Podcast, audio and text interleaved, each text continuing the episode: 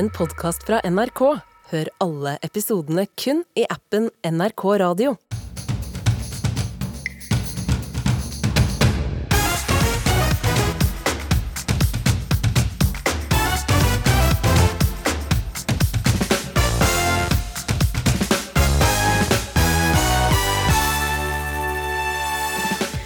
Ordene stygg og tjukk renses ut av Roald Dahls britiske bøker. Den tykke gutten tok et skritt frem.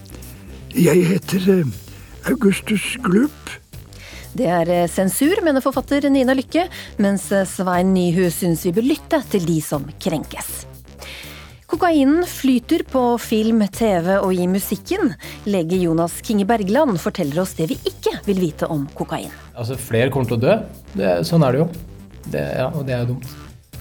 Og For eh, ett år siden sa russiske Evgenia unnskyld til ukrainske Igor for at Russland gikk til angrep på Ukraina.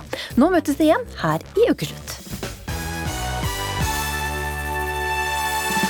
Så velkommen til ukeslutt til både tjukk og tynne, stygge og pene denne lørdagen midt i vinterferien for mange.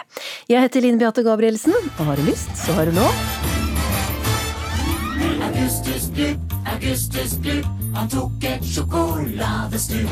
Augustus Glup har en profil, er grådig, fæl og infantil.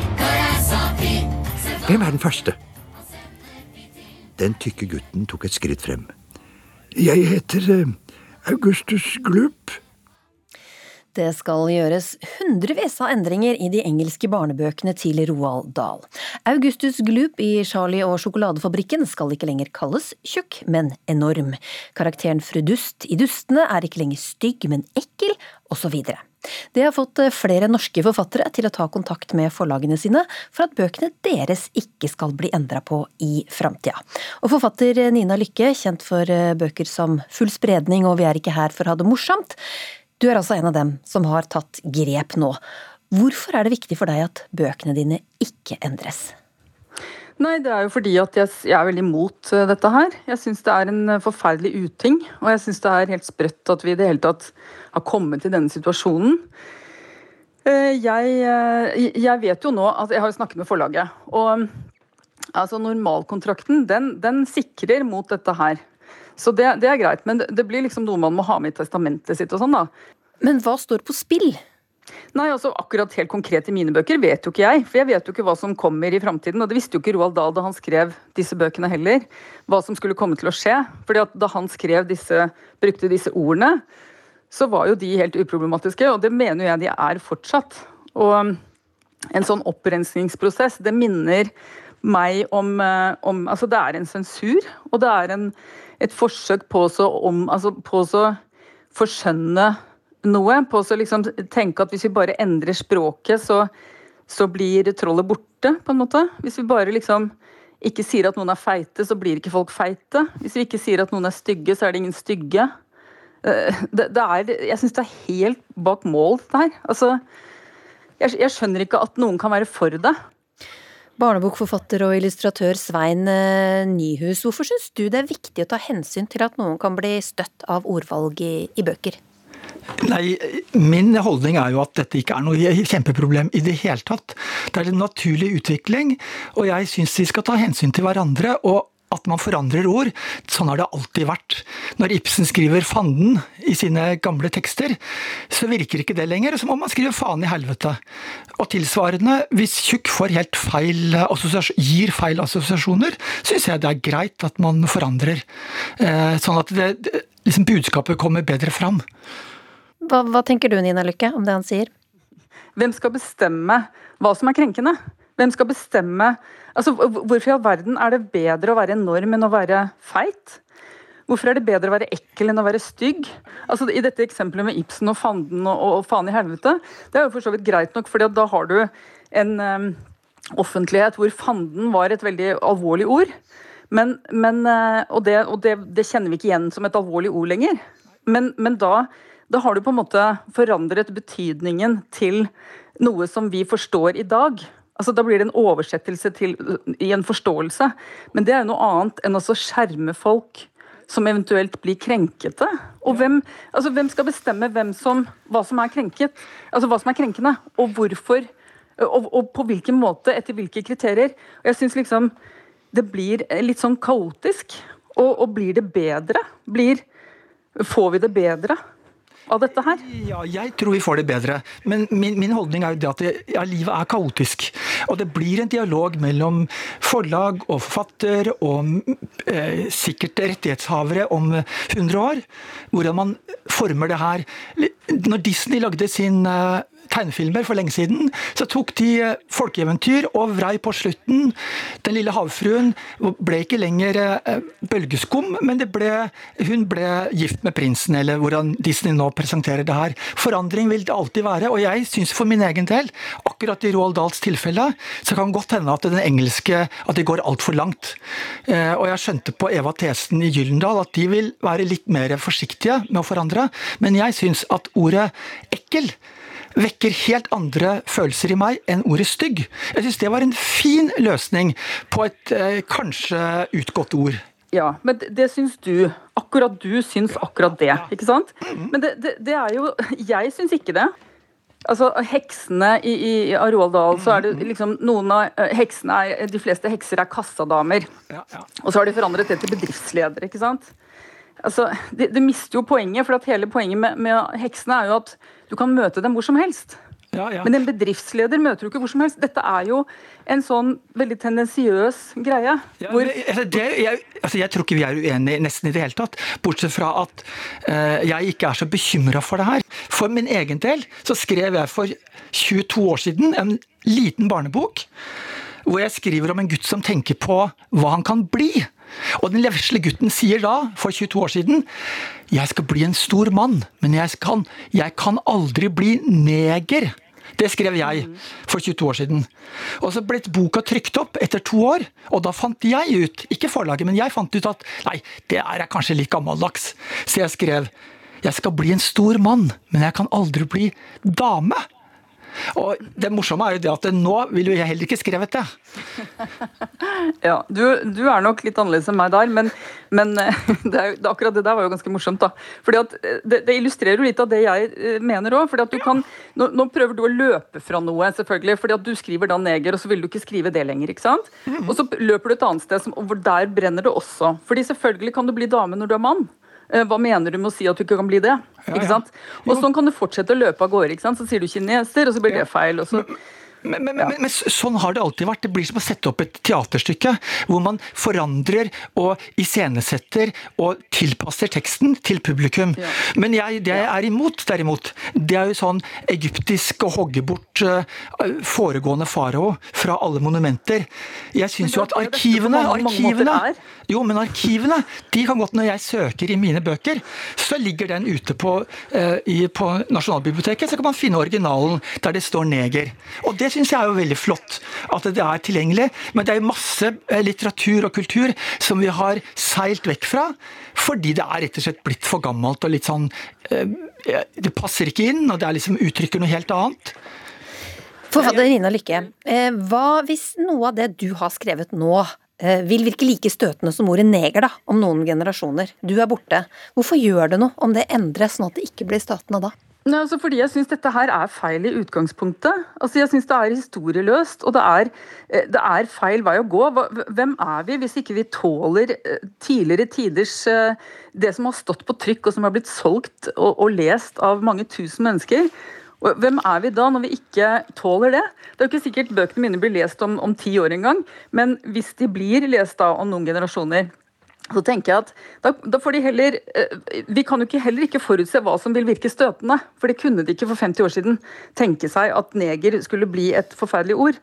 Og da, da vet jo ikke jeg hva de vil komme til å, å se eh, og, og, og, omtolke i mine bøker. Men eh, jeg syns bare det er utgangspunktet helt feil. Og nå sier det britiske forlaget til Roald Dahl at de nå vil gi to utgaver av bøkene hans, både originalutgavene og de reviderte. Men tusen takk, forfatter Nina Lykke og barnebokforfatter Svein Nyhus.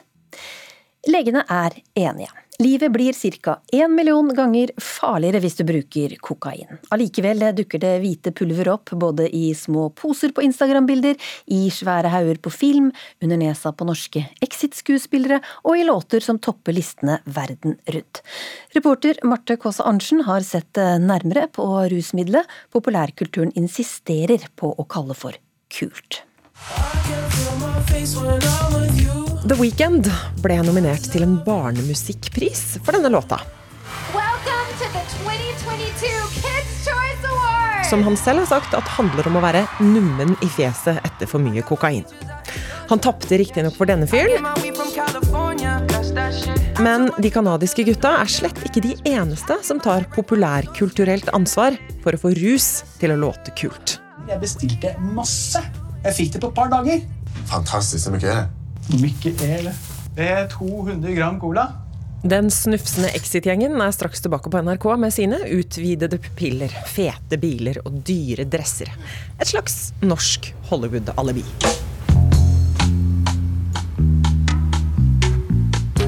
Jeg ser jo en utvikling av at den er på hva heter det, eller i nesen til yngre og yngre, yngre, og yngre folk. Jeg er ute og går tur på Grünerløkka sammen med Leo Ajkic, som laga serien Rus på NRK. Kokain er et stoff fra bladene av kokaplanten. Han mener at veien fra fiksjonen i LA til virkeligheten blant norsk rusnysgjerrig ungdom har blitt mye kortere. Nei, så det har blitt eh, et, Altså, det å bo i Norge Man bor også i USA, tror jeg, liksom. Pga. Hollywood, pga. holdningene der. Og kokain har jo blitt hva skal vi si, brandet som noe luksus. Som noe kult og heftig i form av hvem som tar det i filmene, hvem som har råd til det.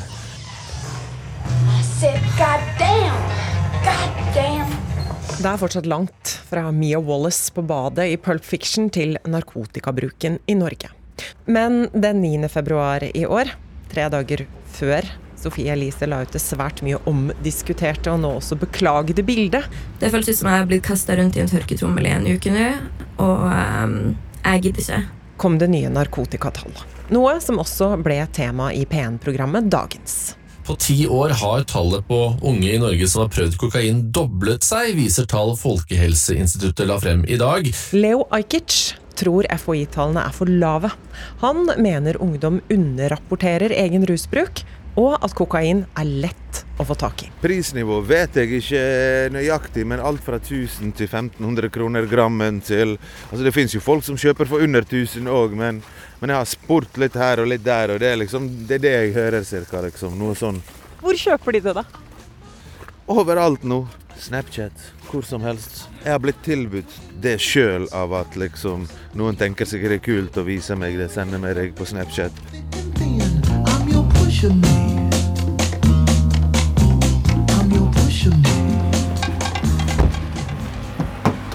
hopper i en taxi, for jeg skal fra Løkka til Madserud og besøke lege og komiker Jonas Kinge Bergland.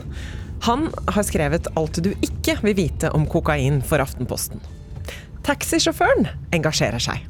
Jeg har bare hørt på nyhetene om at, at det, det ble tatt et bilde med hun der bloggeren. Og så hadde jeg hatt en liten pose, og det viste seg at det var kokain. Ja. Men hva tenker du om det, da? Nei, Jeg har ikke så mye folk på å bruke de stoffene de vil. Jeg tar, jeg tar meg en øl isteden, jeg.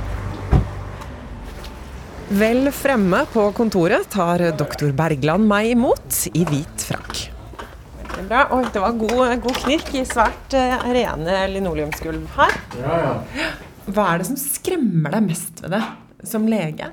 Altså det er et veldig sånn tilgjengelig og lettanvendelig stoff som uh, gjør at uh, man måtte bruker det med en sånn letthet. Og så er det nettopp det at noen av uh, bivirkningene kan være at du får hjerte, hjertestans og hjerteinfarkt. Og det er litt uforutsigbart hvem som får det. Så, så det er et sånn lotteri da, som er ganske ekkelt. Jeg får vite at kokain er det ekstremt lett å bli avhengig av. Og at du etter hvert må bruke mye mer for å oppnå den samme kortvarige lykkerusen. Og at legen ikke har prøvd selv. Tør ikke. Jeg har ikke lyst til å um, verken uh, ta sjansen på å få hjertestans, eller ta sjansen på at jeg skal like det så godt at uh, det blir vanskelig å velge det bort senere. Neste uke har Exit premiere på NRK. Vi skal hygge oss, ruse oss og ha det godt og deilig kveld. Veldig bra. Denne helgen kan du se Cocaine Bear på kino. Og debatten rundt Sofie Elise er vi vel helt sikkert heller ikke ferdig med. Det er jo en elefant i rommet. Alle vet jo at Norge har stått på hodet den siste uka. Hva syns doktor Bergland om at det er så mye cola i monitor? Altså, det er jo dumt i og med at det, altså, flere kommer til å dø. Det, sånn er det jo. Det, ja, og det er jo dumt. Påvirker og NRK-podkastprogramleder Sofie Elise har muligens fått det en milliard ganger tøffere de siste ukene, for debatten har rast etter at hun la ut et bilde på Instagram med teksten 'Livet blir ca. en milliard ganger morsommere om man bare gir faen'. Det føles ut som jeg har blitt kasta rundt i en tørketrommel i en uke nå, og um, jeg gidder ikke. Jeg vil ikke nå. Og det er lov. Jeg føler at nå er det Uansett hva man gjør, så virker det feil. Ja. Uansett hva man sier, så virker det kalkulert. At jeg ikke sitter her og gråter feil. Ja. Hadde jeg grått, så hadde det vært feil. Greia at jeg syns det har vært jævlig tungt den siste uka, men jeg syns ikke synd i meg sjøl. Jeg har satt meg sjøl i denne situasjonen. Ja, etter mange dagers stillhet skrev Sofie Elise i går på Instagram at hun aldri skulle ha lagt ut det bildet, at hun ikke ønsket å romantisere noe, at hun er ekstremt lei seg, blant annet. Og mange har spurt seg da om Sofie Elise er noe godt forbilde for unge mennesker, og vi har fått med oss to av følgerne til Sofie Elise, Vanessa Sundet og Camilla Jeanette Sjøkvist. Velkommen til ukeslutt. Tusen takk. Vanessa Sunde, du har fulgt Sofie Elise siden du var tolv år av selv en stor TikTok-plattform med over 100 000 følgere. Hvorfor velger du å følge Sofie Elise? Jeg følger Sofie Elise fordi at hun er inspirerende, hun får til mye, hun gjør feil offentlig, hun står i stormer, og likevel så fortsetter hun, og det er noe jeg syns er veldig kult. Ja, hvordan er hun et forbilde? Um, hun er et forbilde fordi at hun tør å gjøre feil, og hun er et forbilde fordi at hun viser at man kan få til ting hvis man bare jobber hardt. Og hun snakker om følelser, hun skriver mange bøker som handler om ting som mange kan kjenne seg igjen i.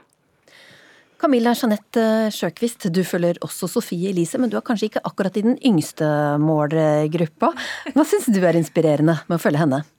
Jeg syns det er veldig inspirerende at hun, har, hun kommer fra som hun sier, lille Harstad, og hun har klart å jobbe seg opp til en millionbedrift. Hun er det, altså, kjenner hun ikke, men hun virker jo som en fantastisk eh, målretta bedriftskvinne, så å si.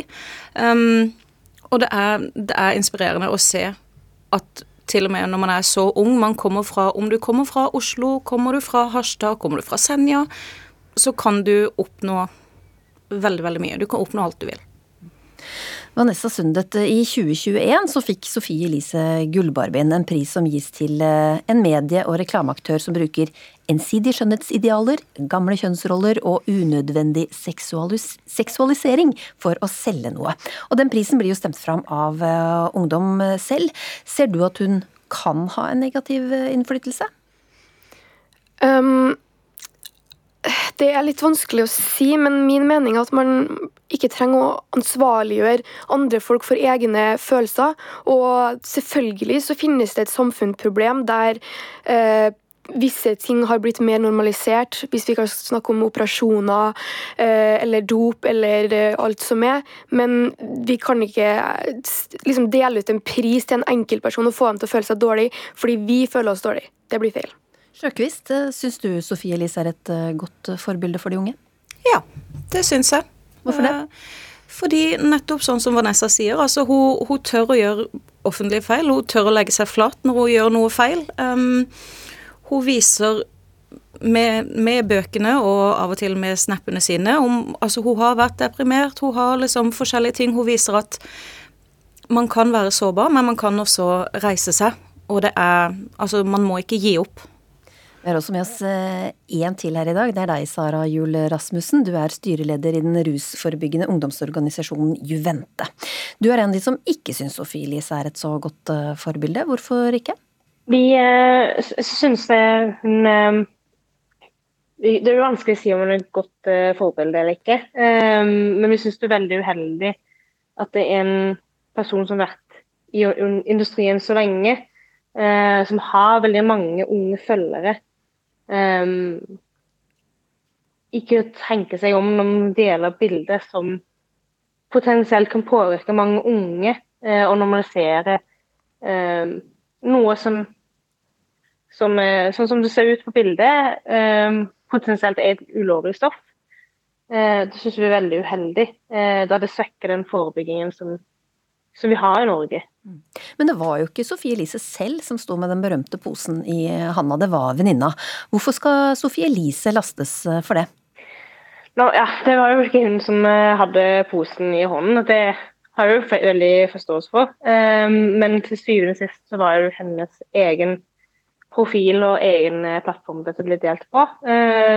Det er hun som, som har tilgang på den, på den kontoen, og det er hun som delte bildet med sine følgere.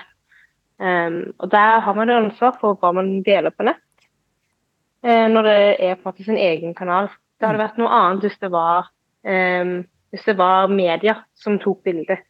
Da er det mer ukontrollert forhold, mens dette var en kontrollert plattform.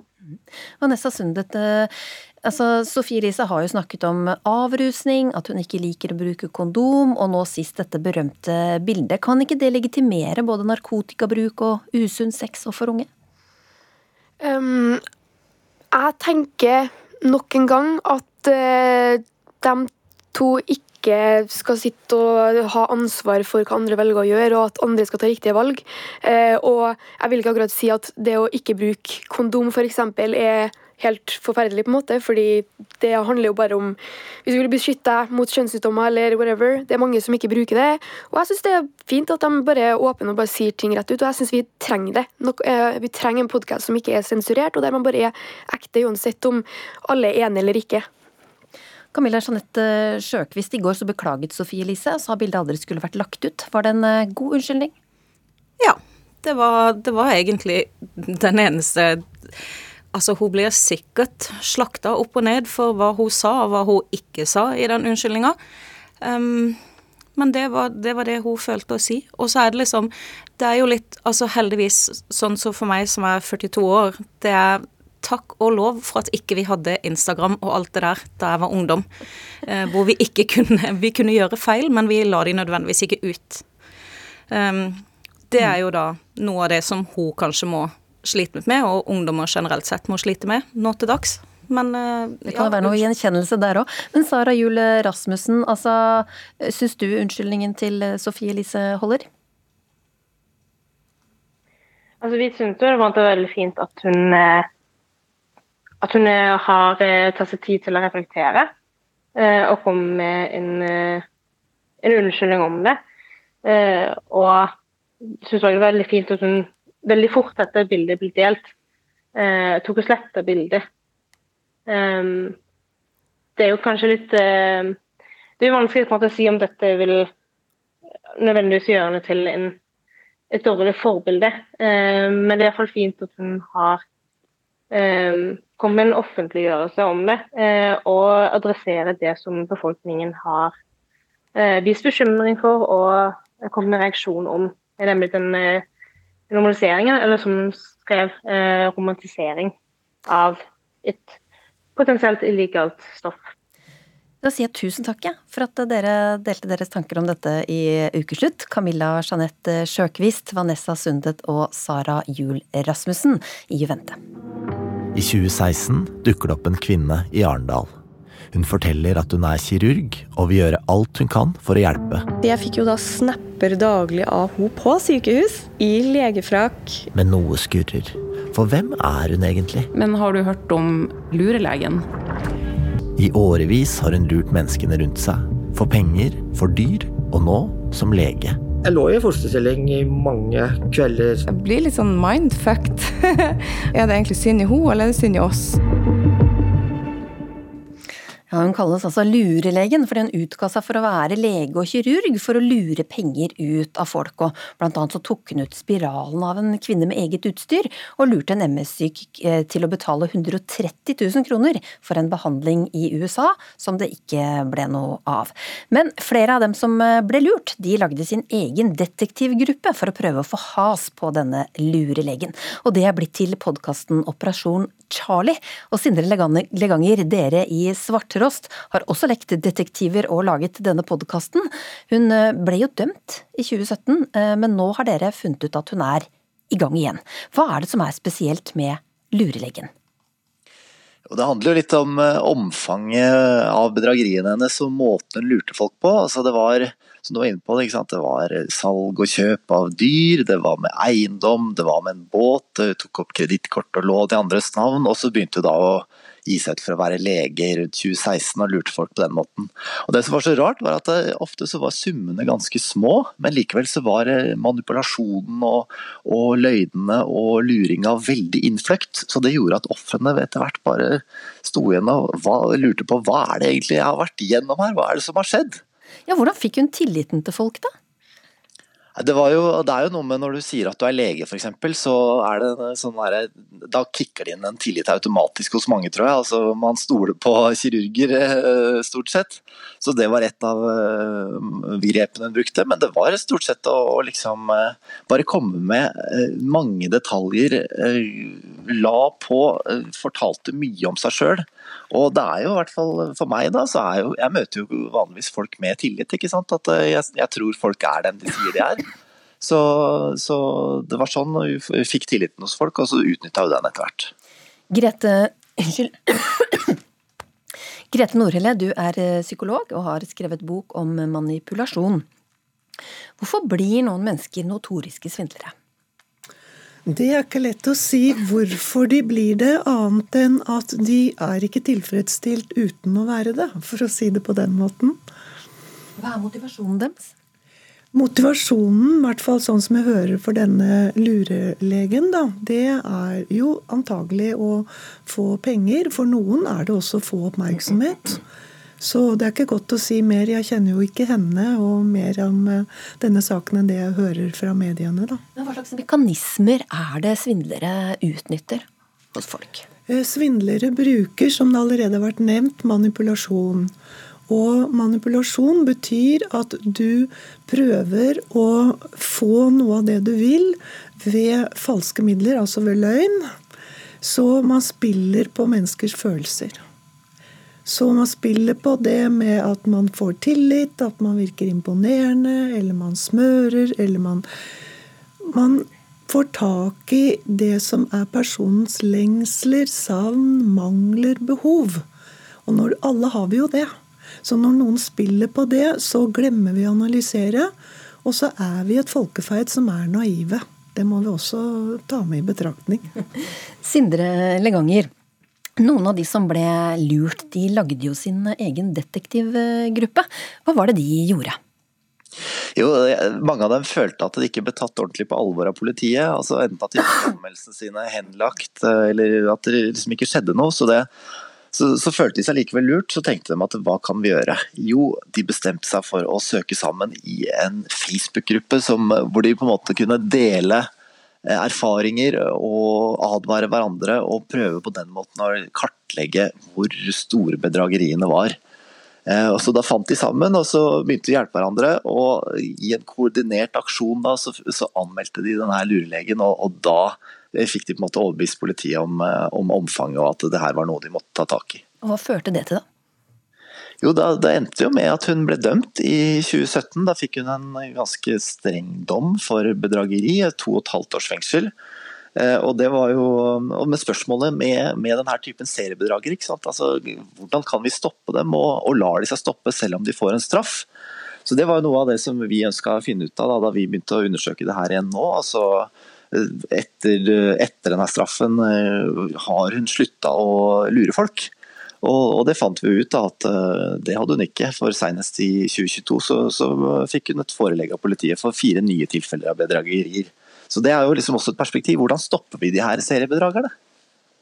Grete Nordhelle, altså mange av de som er eh, svindla av lurelegen, de forteller i denne podkasten at de, de, føler skam over å ha blitt eh, lurt. Hva gjør det med oss å, å bli lurt og svindla på denne måten? Vi føler oss jo dumme, da. Det er lett å være etterpåklok. Men jeg vil eh, på en måte kalle det berolige at vi alle blir manipulerte. Så hvis noen er dyktige og har passende doseringer av det de manipulerer med, og som sagt, vi har noen behov, noen ønsker, interesser, så skjer det dessverre med veldig mange av oss. Vi er alle potensielle ofre. Men Sindre Leganger, dere har jo prøvd gang på gang å få tak i eh, denne Charlie, som dere kaller eh, henne. Hva, hva, hva har dere fått ut av henne? Nei, Hun ønsker jo ikke å, å bidra i serien vår, da. og det syns jeg var veldig synd. For det er jo det som jeg sitter igjen med som spørsmål, er jo liksom hva, hvorfor gjør du det? Altså Når pengesummene er små, liksom snakk om noen tusen kroner, og ofte så kanskje ikke det engang, kanskje ikke noen penger i hele tatt, men likevel har skapt masse kaos. Så jeg skulle jo veldig gjerne snakka med henne, men hun ønska ikke å, å, fortelle noe. Hva sa hun i rettssaken da hun forklarte seg? Jo, da, øh, da var på en måte en forklaring hun hadde da, var at øh, motivasjonen hennes var å hjelpe folk, men så blei det bare helt feil. Eh, og Da kan man jo spørre seg om, om, det er helt sant, eller om det også var et forsøk på å manipulere på en eller annen måte. For, for å kanskje få mindre straff, eller hva man skal si. Men, men det var i hvert fall forklaringen da. Ønska å hjelpe folk, men det blei feil. Jan Orhelle, er det troverdig? Eh, vel, jeg kjenner jo ikke damen, men i utgangspunktet når vi hører alt hun har holdt på med, så er det ikke lett å tro på noe av det hun sier. Og det virker jo ikke så veldig sannsynlig at man har hovedmotiv å hjelpe andre. Nei, og um, Sindre Leganger, altså hun heter jo ikke Charlie, men, um, og dere har funnet at hun svindler folk på nytt. Hvorfor ikke bare si åpent uh, hvem hun er, så kanskje andre unngår å bli lurt? Ja, ikke sant? Det er alltid en uh, vurdering det der om hvor mye man skal si om folk. og, og og, men det er jo hensyn der som utover henne, liksom. altså Hva vil en identifisering bidra til? Så da vi landa i hvert fall på at det, det, riktige var å ikke identifisere henne, men å fortelle om handlingene hennes, sånn at folk kanskje kan kjenne seg igjen i det liksom, indirekte. da. Vi får bare oppfordre folk til ikke være godtroende når fremmede kommer med tilbud som er for gode til å være sanne. Tusen takk, Sindre Leganger, journalist i Svarterost Produksjoner, og Grete Nordhelle, psykolog. Og kvinnen som kaller Charlie denne podkasten, har selvsagt også fått tilbud av oss om å fortelle sin versjon her i uh, Ukeslutt, men uh, hun takket nei. I går var det ett år siden vi fikk eh, sjokknyheten om krig i Europa. Russland har invadert Ukraina, kamper flere steder i landet. De første angrepene kom i morgentimene. Invasjonen ryster Europa, sterke fordømmelser og nye straffetiltak. Krisemøte i EU i kveld. 365 dager med krig har satt sine spor i Norge også, men hva er det folk husker fra dagen krigen brøt ut? Det ville reporter Natasha Kamanzi finne ut av.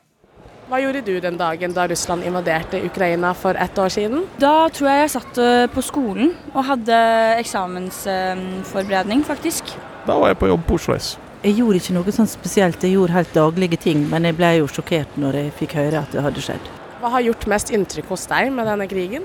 Nei, Det er jo å se alle flyktningene og, alle som har blitt eh, på, altså pårørt.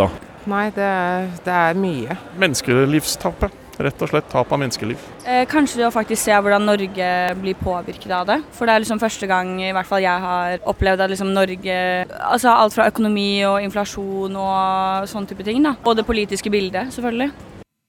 Det har vært et langt år med store tap og mye lidelse i Ukraina, og et år hvor forholdet til Russland har blitt kaldere enn permafrosten. På Universitetet i Oslo ble det oppretta ukrainsk-studier side om side med russisk-studiene.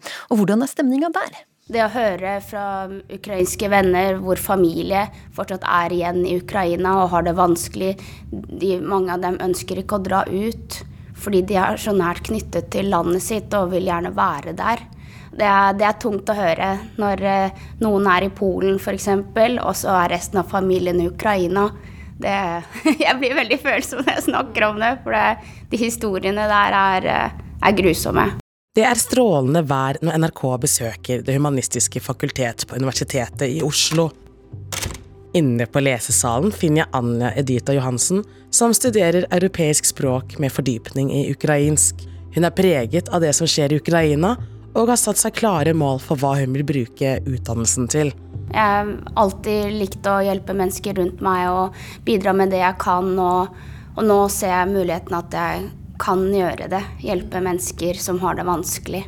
Jeg, jo, jeg jobber som vikarlærer også. Der spør jo elevene veldig mye om hva som foregår, hvorfor det foregår. ikke sant? Eh, hvordan kunne Putin nå plutselig eh, sitte i en fjerde periode, ikke sant? sånn teknisk sett. Så det er mange sånne spørsmål som man til daglig møter, som egentlig hvor russisk kommer veldig godt inn. Det forteller masterstudenten Ivo André Kantardiev. Han studerer russisk og merker at det er krig i Ukraina. Noen tar for gitt at han holder med Russland, siden han studerer russisk. I utgangspunktet så er de positive og litt nysgjerrige, selv om man har jo blitt møtt med liksom spørsmål og kanskje sånn Å, er du stalinist? Eller putinist? Eller sånne ting. Ivo André mener det er viktig å se at Russland har noe mer enn Putin og hans støttespillere.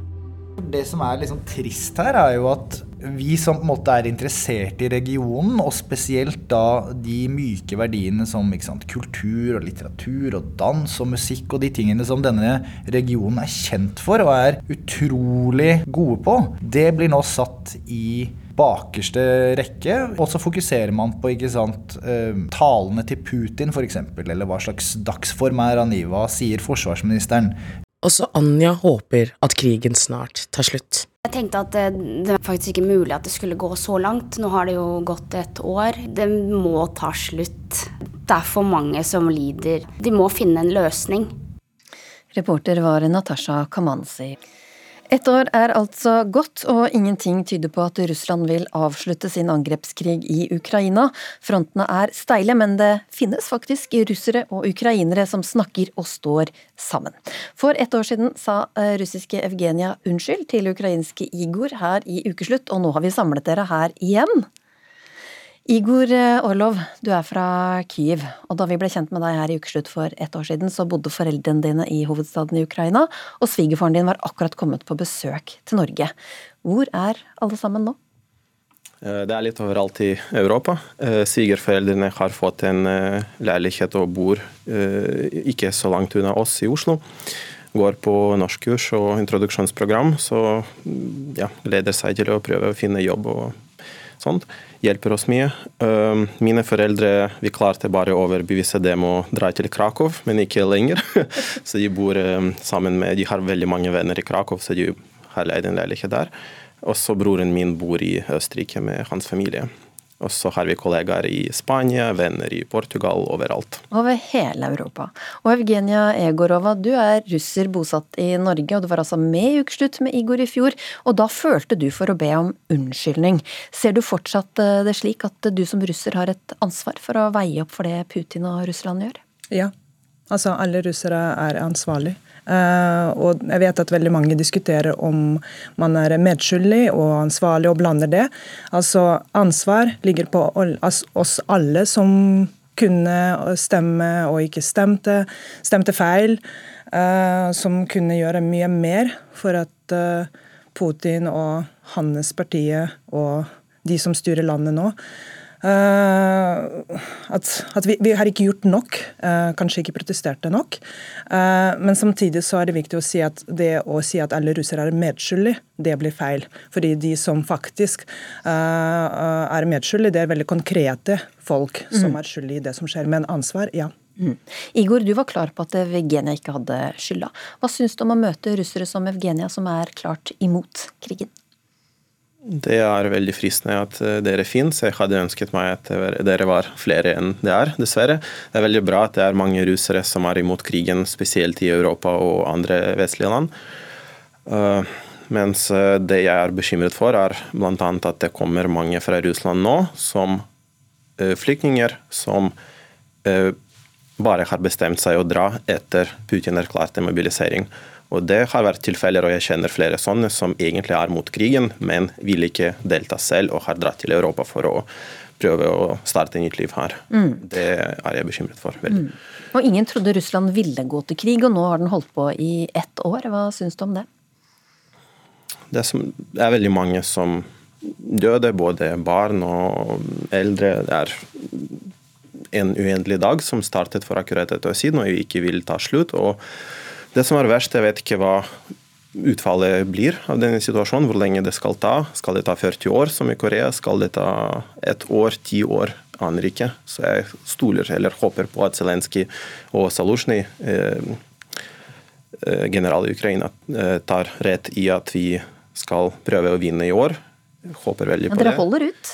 Ja, mm. men eh, det er 1-1 på en måte nå. Evgenie, hvordan har Russlands krig i Ukraina prega deg? Eh, det må sies at nå er det slik at både for eh, russere og ukrainere én ting uh, er, altså, Vår tid, vår, vår, vårt liv har blitt før og etter krig. Ja, altså, og det, det, og det har jeg aldri trodd at jeg kommer til å oppleve. Å si noe Det var før krigen. Mm. Igor, Igor, tirsdag holdt Russlands president eh, Vladimir Putin en tale hvor han igjen hevdet at det er Vesten som har starta krigen i Ukraina, og at Russland kjemper for å bevare sin eh, eksistens. Men han innrømte jo for første gang at krigen er vanskelig. Hvordan eh, tolker du det? Selv om jeg mener at han lever i sin egen boble, eller i, sin, i sitt eget verden, så må han innse at han har håpet å vinne mye fortere enn på et år. Så han har også klokka og ser at tiden går og ingenting skjer. Men uh, vi får se. Jeg, på en måte, enten skal vi vinne ved fronten, eller skal Putin dø. Jeg ser ingen annen måte å, ja, å bli ferdig med krigen. Mm. Men Evgenia, mange som har sett eh, Putins tale til samfunnstopper og offiserer på tirsdag, har vært opptatt av eh, helt andre ting enn eh, budskapet til Putin. Hva er det folk har lagt merke til? Ja, altså For det første, det sier veldig mye når, du, når det er folk i salen som er håndplukket, og, og, de vet at de er på direkten, og de sovner. Så det sier veldig mye at altså, OK, for en støtte liksom fra eliten. Uh, og så når han begynner plutselig å diskutere om at Europa har erklært at Gud er, at Guden er gendernøytral, og at det er det som er altså når, det er rett og slett Han klarer ikke å Det var tale uten budskap. Det så ut som en slags, en slags patchwork av uh, rapporter som han fikk innlevert, og ingen rød tråd. og, og den liksom tale uten mening.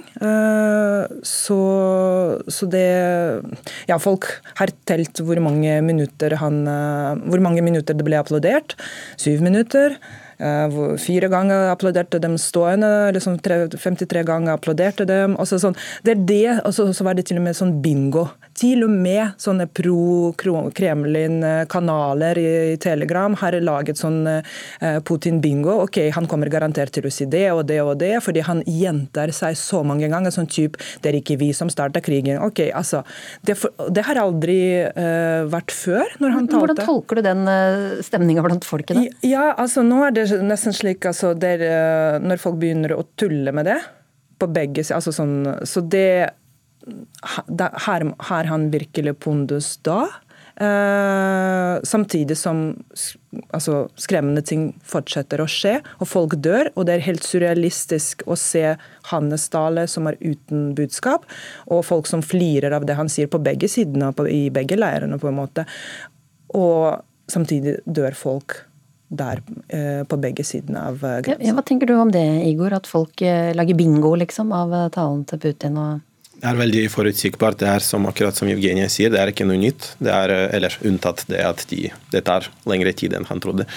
Men uh, er flere ting er veldig gale. Derfor sa jeg at han på en måte lever i sin egen verden. Nei, det minner veldig om Nord-Korea-tilstander nå. At mm. måte, og Det som er greia med Russland, er at eliten er veldig svak. Alt dreier seg om Putin. Uh, og Det minner meg f.eks. på 90-tallet, når Putin ble president av ingenting. Ingen trodde at han skulle bli president. Ingen visste om Putin i 1998. ikke sant?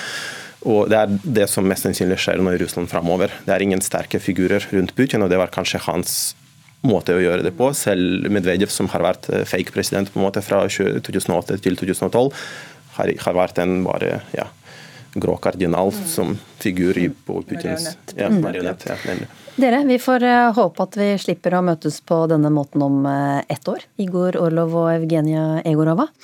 Det er eh, enkelte ting som sitter som klistra for oss som vokste opp på 70- og 80-tallet. For noen kan det være lukta av søndagssteik, andre husker Sterilan-reklamen, men mange kan legendariske filmreplikker på norsk utenat. Hold de grisene dine vekk fra meg! Vesle soper! Jeg mener for voldtekt! Ikke få meg til å spy! Skitten fantasier også! Du er nødt til å stole på oss. Jeg kan jo ikke stole på noen jeg er uenig med. Hva gjør du her i stad? Jeg skal ligge meg i hore. Jaså? Du, kan ikke du gå nå, så jeg slipper å kaste deg ut? Men du snurper igjen smella litt, da. Du maser jo som et lokomotiv.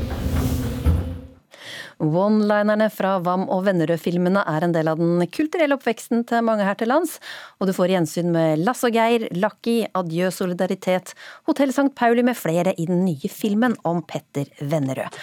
Og Karianne Førland Vennerød, velkommen hit. Tusen takk. Du er selv filmskaper og har filma mannen din til filmen som heter den siste filmen.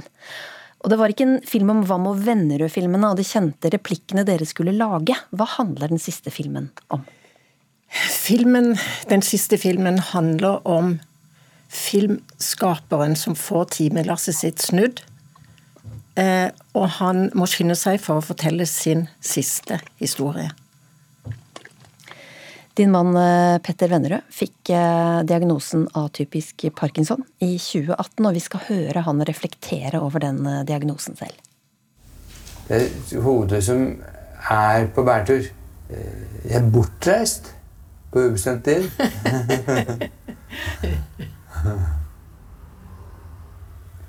Sannsynligvis er det det verste som kunne ha skjedd meg. Mm. Fordi det er Jeg Altså jeg, jeg er jo vant til å Jeg lever jo av huet mitt. Det er jo det, er det som er meg. Ja, Du har kalt dette filmarbeidet en fantastisk prosess. Hva legger du i det? Eh, først og fremst var det fordi eh, det var Petter som selv ønsket å lage denne filmen. Han hadde lyst til å fortelle denne historien. Han hadde lyst til å fortelle noe om hvordan det var å få en sånn diagnose, og fortelle noe om hvordan det er å komme dit vi alle skal, bli gamle og dø etter hvert. Og, men det mest fantastiske var å se at Petter fikk noen fantastiske, fine år. Slutt, altså sluttår, fordi at han fikk lov til å holde på med det beste han visste, å lage film. Men Hvordan var det, da, som eh, både være kona hans og lage denne filmen, samtidig som at han var syk? og det var eh, berg-og-dal-bane, selvfølgelig. Men eh, det var mest glede. Eh, fordi at jeg fikk lov til å være i jobb. Petter fikk lov til å være i jobb helt til det siste. Eh, men selvfølgelig det var mye tunge stunder. Når jeg merket at Petter ikke fikk sagt det han hadde lyst til. Mm. Det, var, det var det verste. Mm. Thomas eh, Robsam, du er filmprodusent og eh, regissør, og du er også sett i noen av eh, filmene til Vam og Vennerød. Hva synes du om den siste filmen? Jeg synes den var veldig rørende, veldig gripende.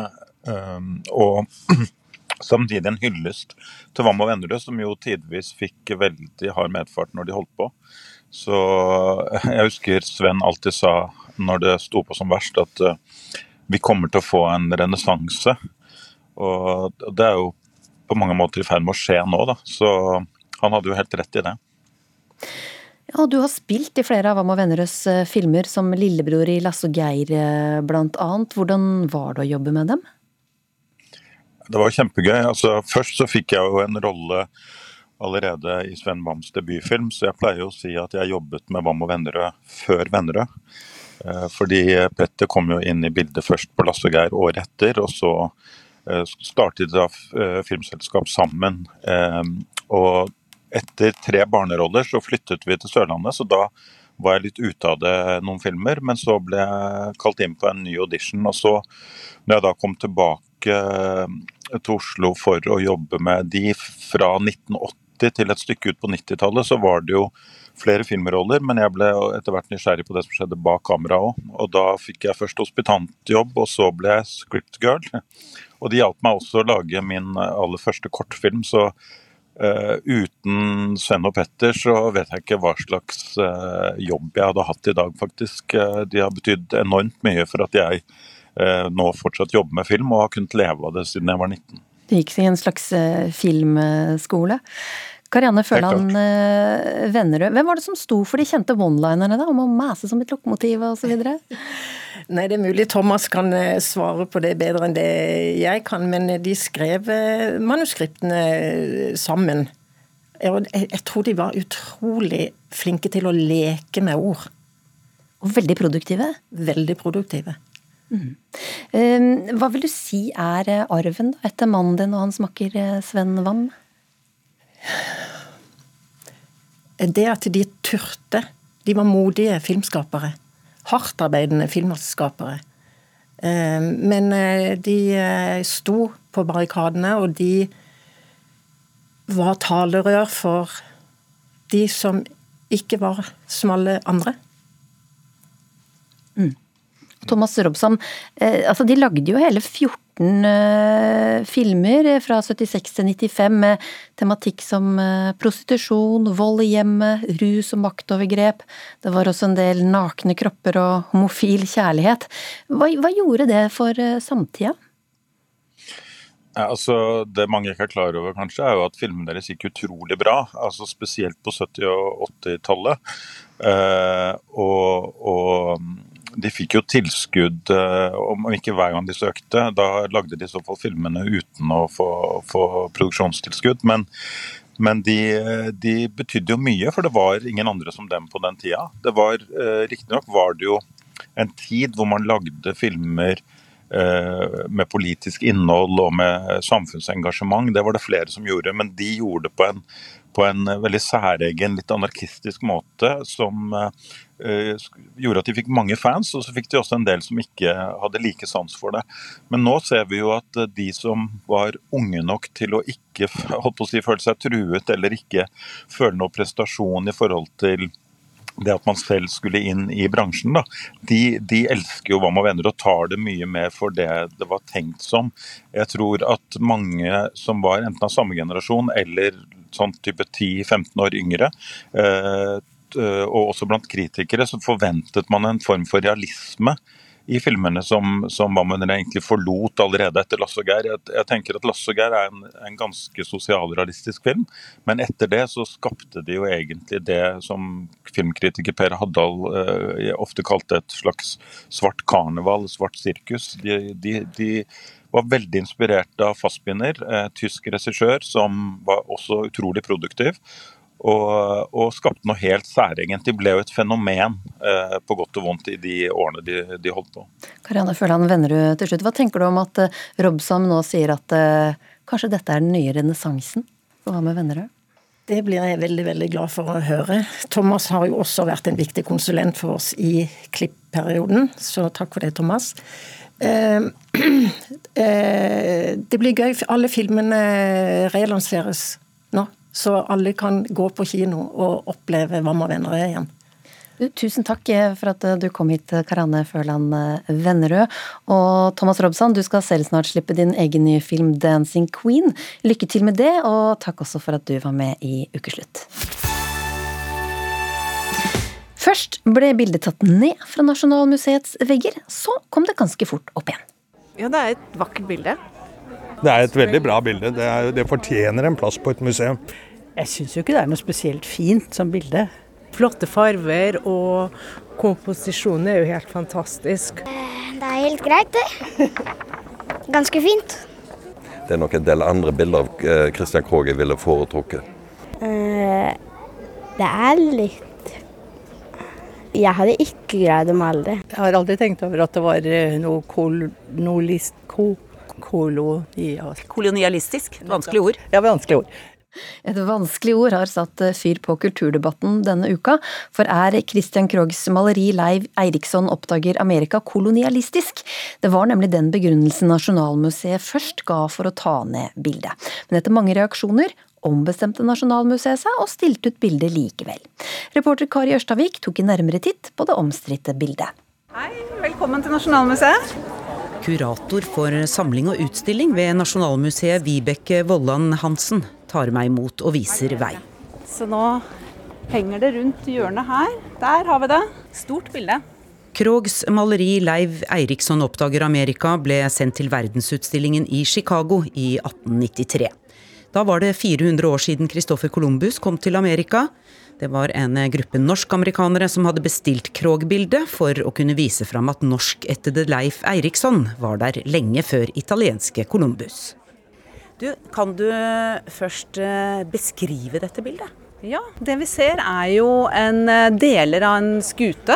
På, og, det ser ut som, og det er et mannskap, en skipper i gul skjorte. Og så er det et mannskap på, som vi ser, som er fem mann som sitter nede i båten. Og så han som står og styrer skuta, han peker jo mot noe i horisonten. Altså et land. Er det et kolonialistisk bilde? Eh, det har ikke jeg så lyst til å uttale meg om, og det er jo det den store debatten står om. Men forlagsredaktør, forfatter og kritiker Trygve Riser Gundersen svarer gjerne. For da det så ut til at de fleste hadde konkludert med at bildet ikke var kolonialistisk, og dessuten burde ha sin plass godt synlig på Nasjonalmuseet, dukket Gundersen opp. Hei, i sosiale medier, der mye av debatten har gått, skriver Gundersen at bildet Leiv Eiriksson oppdager Amerika er svulstig og ganske dårlig. Det er ikke så godt. Jeg tror ikke han likte det så godt sjøl heller. Eh, men det er eh, jo stort og pompøst, teatralsk. Um, og, jeg tror det, har, det, teatralske har med dette litt sånn propagandaaktige som ligger ved hele prosjektet, at han skal lage dette reklamebildet for Leif Eriksson til verdensutstillingen. Det pompøse og teatralske bildet til Krog kan like godt bli værende i kjelleren, sier Gundersen. Og når vi spør om det er kolonialistisk, er han ikke i tvil. Det kan helt fint kalles kolonialistisk. Den viktigste grunnen er jo at det stilles ut og bestilles til denne verdensutstillingen, som jo er en kjempestor global feiring av kolonialismen. Men i tillegg så er det sånn at det slår inn i selve bildet. Dette motivet med å oppdage land, med å være de første som kommer inn, med å finne det nye og ukjente, det er liksom et av imperialismens og kolonialismens viktigste og mest velbrukte motiver. Og her skriver Christian Krogh seg rett inn i den tradisjonen. Jeg syns det var utrolig fint. Ja. Tilbake på Nasjonalmuseet og foran Krog-bildet treffer jeg en afrikaner. Han sier han er opptatt av kolonialisering, men at dette bildet har noe som helst med det å gjøre, greier han ikke å se. Jeg har hørt mye om at um, kolonialiserings bla, bla, bla med det, men jeg skjønte ikke det fra bildet i hvert fall. Alt som, som, har med kolonisering å gjøre, er jeg interessert i, da, kan du si. Så, men jeg klarer ikke å se det her, da. Hva ser du, da? Jo, jeg ser eh, en gruppe eh, seilere. Um, men jeg, jeg, tenker tilbake på vikingtiden, men de er ikke vikinger, da. Jo, de er vel vikinger. Er de det? Ok, de så nå ganske snille ut, da. Snille eller slemme, kolonialistisk eller ikke, stygt eller pent, norsk eller svensk. Mye kan sies om debatten denne uka.